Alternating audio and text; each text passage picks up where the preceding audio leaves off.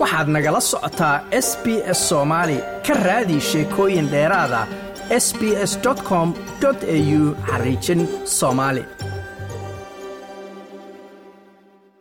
soomaalidu waxay wixii ka dambeeyey burburkii dowladdii sagaashameeyadii u kala qaxeen dunida dacaladeeda oo dhan waxay kala degan yihiin yurub waqooyiga ameerika bariga dhexe iyo afrika. Nolosha meelaha ay kala degeen soomaalidu waxay isaga mid yihiin inay yihiin uun dalal qurbaa laakiin waa ay kala duwan yihiin. Axmed maxamed nuur oo axmed nuur loo yaqaano kana mid a jaaliyadda magaalada melbourne ayaa dhowaan wuxuu safar ku maray dalal badan oo soomaalidu ay degan tahay. Waxaana ka wareysanay waxyaalihii uu soo arkay. Axmed ku soo dhowow horta idaacadda s b s bal dalalka aad soo martay haddaad guud ahaan noo dul marto iyo sababaha safarkaagu la xiriiray. Bismillahi raxmaan raxiim xasanow waxaan tegay dalka ingiriiska loo yaqaano ama u k.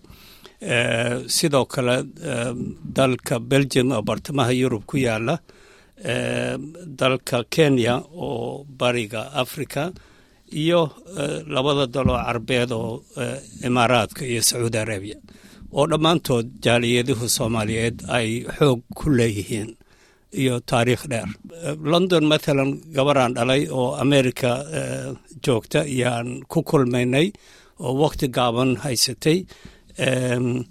Kenya wiilaan dhalay baa degan oo isaguna ma garanaysaa hadda halkaa u badan sidoo kale london niman saaxiibadaya oo axmed saciid la yidhaahdo iyo miciin jaamac oo muqdisho ka yimid yaan ku ballannay marka iyo nairobi sidoo kale seedigay baa jooga nin haashim la yidhaahdo maxamed nuur oo dhammaantood dadka aan sheegayo si fiican noogu soo dhoweeyeen meelahaan tagnay waa garnay marka aan kala qaadno dalalkaad soo martay u k oo kale london. Maxaad ku soo aragtay jaaliyaddu siday u nool yihiin iyo guud ahaan? Maxaa kaaga baxay? Xaqiiqadii jaaliyadda soomaaliyeed oo u k waa waxaa lagu sheegaa dad tiro badan. Muddo dheerna qaarkood ay joogeen dalkaas ingiriiska ama britain. Laakiinse waxaad moodaa communitida inay kala daadsan tahay waalidiintii iyo caruurtii inaysan si fiican isu haysan. Maxaa yeelay dadku markay soo qaxeen fikrad kama haysan dalalka ay u socdaan iyo sida carruurta loo tababaro carruurta tacliinta looga taageero carruurta magaranaysa sports iyo waxaala kale lagu dhiirigeliyo. Marka iyo iyadoo sidoo kalena waxaa dhacaysay inay caruurtii iyagoo aan muddo ka maqnaa iskooladii ama ay ka go'ay burburka dartiis aan laba saddex sano waxba dhigan inay iskooladii ku soo biirayaan oo ay tacliintii ay ku cuslaanayso. Marka waxaa waayahan dambe soo baxaysa dhalinyaro badan oo ma garanaysa ama iskuolkii ka go'day ama waxyaalo kala bartay oo waxaad moodid inay dembi tahay samaynaya. Dembiyadaas waxaa ugu waaweyn mathalan in ay la istooreeleeyo oo dhalinyaro badan baa hadda ka hor sidaas ay ku dhacday. Nasiib daro xaaskii anigu intii aan london joognay xaafad shepards bush la yidhaahdo hortayada yaa laba dhalinyaro oo soomaaliyeed toore isla dhaceen oo midkood dhulka lagu tooray ilaa ambulansi iyo booliisi ay yimaadaan oo arrintii ay qaboojiyaan. Marka arrintaas waa arrin taagan oo waxay la tahay sii socon doonta ilaa ay communitidu xalli u heli doonto ama ka gudboon ka gudbi doonto fayskan ama hadda waktigan burburkii saameyntiisa ay xoogga leedahay oo ay sal yeelan doonaan oo la qabsan doonaan dalka ay u guureen. Waa gartay. Wadamada soo martay waxaa ka mida belgium magaalada brussels oo aan ahayn oo keliya caasimadda belgium laakiin caasimadda midooda yurub halka ay fadhida soomaaliya safaarad weyn bay ku lahaan jirtay dhismo ay leedahay. Waad soo aragtay dhismihii safaaraddu ahaa iyo meeshii diblomaasiyiinta iyo safiirada iyo ay deganaan jireen. Maxaa kaaga bax maxaa ku soo aragtay? Xasanow dowladdii burburka ka horeysay tobaneeye safaaradood ama dal iyo safaarad sooma guryo uga dhistay residence ama guriga danjiraha ka iibisay. Wax ka haray hadda ma aqaani kuwaas laakiinse bruxelles guri danjire iyo guri safaarad baa jiray. Safaaraddii mathalan waxay ku taallaa xaafad u wanaag aada u sarreysa heer sidoo kale guriga danjiruhu avenue roosevelt baa la yidhahda madaxweyne maraykanka lagu magacaabay. Haddii la ku ronyay safaaraddii nasiib wanaag safiirkii safiiradii waayihii dambe tegey siiba ninka hadda joogo yonis xaashe la yidhaahdo yaa xoog geliyey si loo dayactiro at least ground floorki dabaqa ugu hooseeya iyo dabaqa koowaad oo hadda lagu shaqaysto. Laakiin laba dabaqoo ka sarreeya yaa weli burbursan oo aan la geli karin. Dadaalkaas wuu wadaa. U malaynmaya inay awooddiisa maaliyadeed ama si kaleba ay arrintaas dhammaystiri karayso. Waxaase nasiib daraa oo naxdinkaa keenaysa gurigii danjiraha oo isaguna xaafad wanaagsan oo degaana ku yaalla gurigaas waxaan filayaa soddon sano iyo dheeraad lama gelin. Geedihii baa ku baxeen bahallaa galeen.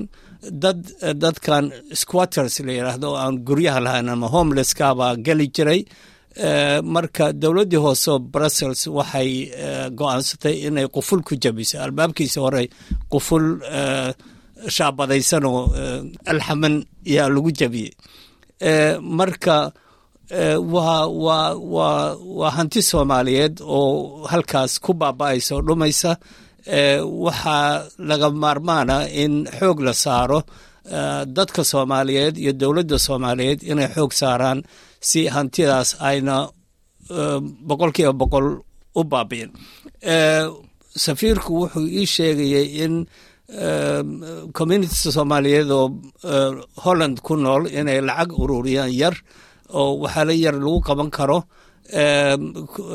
dadaalkiina ay sii wadi doonaan. Laakiin anigoo aan waxbana yaraynahayn ama yaraysanahayn arrintaas boqol kun oo dollar ama ama euro wax lagu kabi karo dhibaatada dhacday ma aha waa arrin u baahan dadaal intaa ka dheer ka badan. Waa gartay. Marka wax jaaliyadda halkaas degan ay kafayn karta maahane dowlad iyo nidaam ka sarreeyay u baahan tahay dayactirkeedu. Yes. Beesha soomaaliyeed oo yurub ku nool dhibaatooyin badan baa soo wajahay hadda ukraine oo kale saddex boqol wax ku dhow baa dayacmeen safaaradda mathalan bruxelles ku taalla way u dadaashay kuwo badan baa la soo dalal kale la dejiyey marka hadda safaaraddu xiriiro yonis xaashi xiriiro badan buu la sameeyey dad communitida ku nool dalalkaas kala duwan oo uu ku dadaalayo inuu hadda kadib si fiican ula socdo. Siiba meelihii aan safaaradda soomaaliyeed joogin iyo kuway joogtaba xataa midda kale communitida soomaaliyeed oo holland iyo belgium ku joogta waa inay yaraatay baad moodaa siiba holland waxaa dhacday sanadihii ay u guureen dalkaas in dad badan ay ka sii gudbeen oo ay ingiriiska galeen. Waana midda buuqa badan keenaysa haddaad doontid london dad badan baa qoysaskoodii bay ka soo tageen rag rag siiba qoysaskoodii ka soo tageen qoysas kale ay london ku guursadeen marka waad dareemi karaysaa inay dhibaato caruurtii u keeni karayso dhinac kastaba ha joogeen. Laakiinse waxaad moodaa inay siiba holland horumar wanaagsan samaynayaan inkastoo tiradooda aada u yaraatay haddii loo fiiriyo tiradii ay markii hore ku galeen. Waxaad kaloo soo aragtay safaaradda soomaalidu ay ku leedahay baris oo iyaduna a meel muhiimahoo dabcan dalweyn oo dalweynaha faransiiska. Maxaa ku soo aragtay? Adoo soo gaabinaya sidoo kale safaaradda soomaaliyed oo baris ku taalla waxay ka soo horjeedaa tiirka caanka ah oo tour ifel la yiraahdo. Ifel tower. Ifel tower waxa weeye magaalada dhexdeedii baris dhexdeedii bay ku taallaa meel aada u qurxoon daaro qurxoon baa ku hareereysan laakiinse maalin baan tegay meesha oo aan isri bal soo fiiriya ama dadka jooga soo baro waxa weeye safaaraddii waa xirayd hal nin baa joogay waxaa layidhi sandwich buu meelaha ka doontay oo soo gadanaya. Marka iyaduna gudaheedii ma arag laakiin waxaan filayaa inaysan wax badan dhaamin waxa bruxel ka taagan ama ka jira. Waa gartay haddaan u gudubno dalalka carabta sacuudiga iyo imaaraadka soo martay labada dalba waa laba daloo soomaaliya muhiim u ahaa. Shacab badan oo soomaaliya ay deganaan jireen haddana weli degan yihiin. Maxaa kaaga baxay? Runtii beesha soomaaliyeed dadka soomaaliyeed weligood welcome bay ahaayeen dalalkaas carbeed haddana waa yihiin wax hadda dhibaato iyagoo ku wajahan ma jirto oo ka socda dhinaca dowladaha dalkaas laakiinse shaqooyinkii waa sii yaraanayaan dadku qaban jireen. Waxay dalalka carbeed sida sacuudi arabiya waxay u soo jeensatay saudization ama inay shaqooyinkii dadka sacuudiga hormariso siiso. Marka dadkii waxay u baahan yihiin in dhinacaas laga taageero.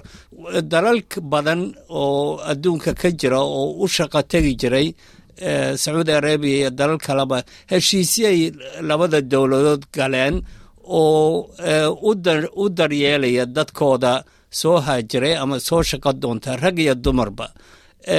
Heshiisya noocaasa markaysan jirin hadda waxaa tahay farow ama maxaan idhahdaa cidna mas'uul ka ahayn.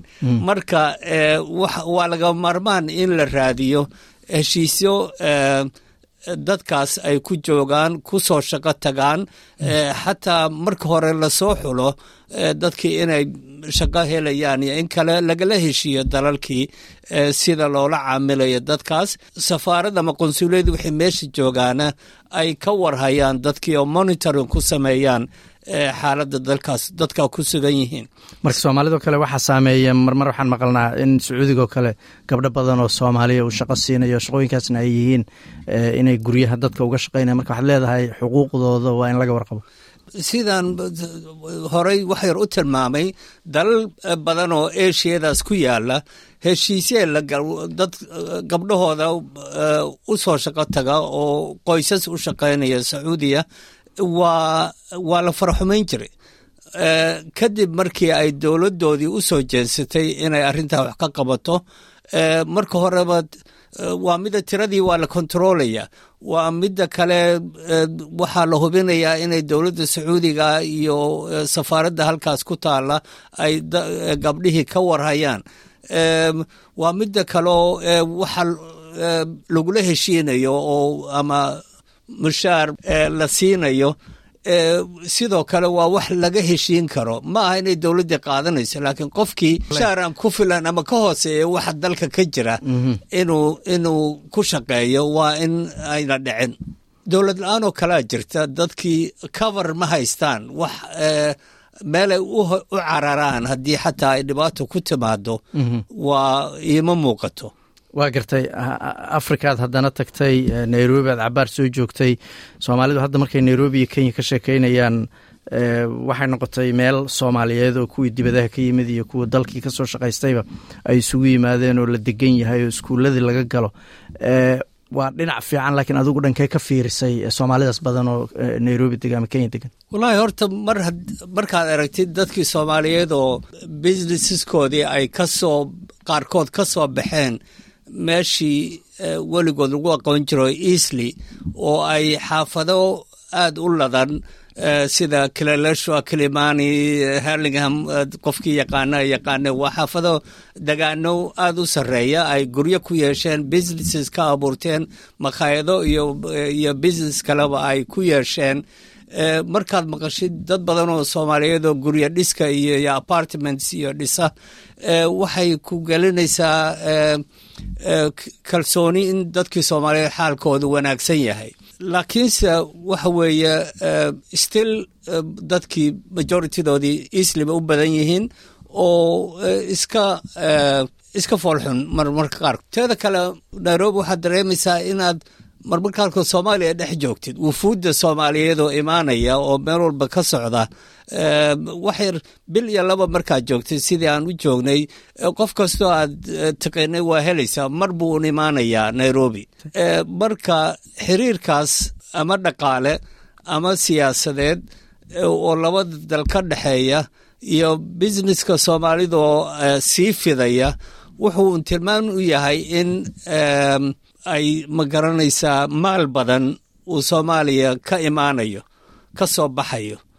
Maalkaasna lagu samaynayo horumarkaas aan ka hadlayo ama guryo dhis ha noqoto ama guryo gadasha ha noqotee marka waa capital la rabay soomaaliya inuu caasimadaha kala duwan oo soomaaliya galo laakiinse capital u soo cararay nairobi weeye iyo meelo kaleba u carara marka capital flight waxaa la yidhaahdo dhaqaalaha waa waa arrin shido badan oo soomaaliya ka socod. Waa garta marka waa arrin fiican baa leeda laakiin waxay ka sii ficnaan lahayd in lacagahaas badanoo lagu maalgelinaya kenya soomaaliya laftigeeda la geliyo.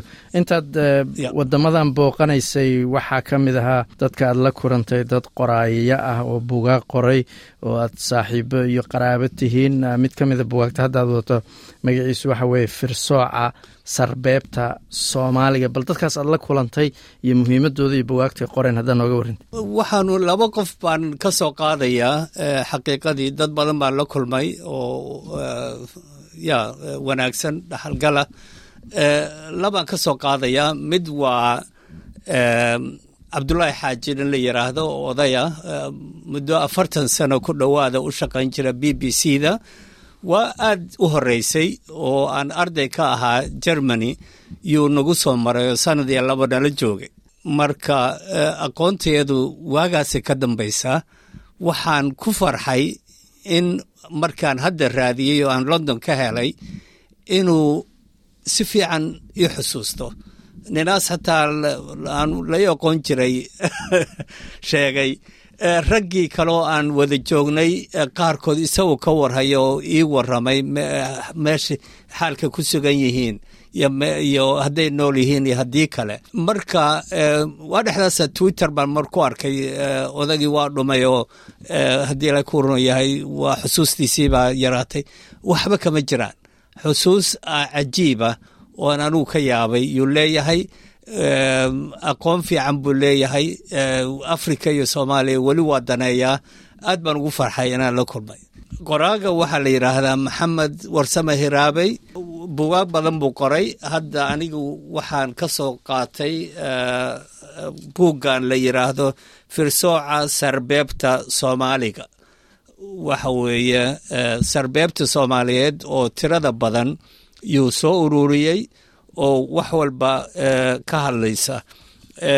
Haddii aan tilmaan idin siiyo sarbeebuhu waa laba buug buu qoray aan sidaa anigu kuwo kalena wuu qoraya midkiiba saddex boqol iyo konton baal uu yahay ama bage saboolnimada mathalan tilmaamaysa labadii indhood baa god ka soo jeestay.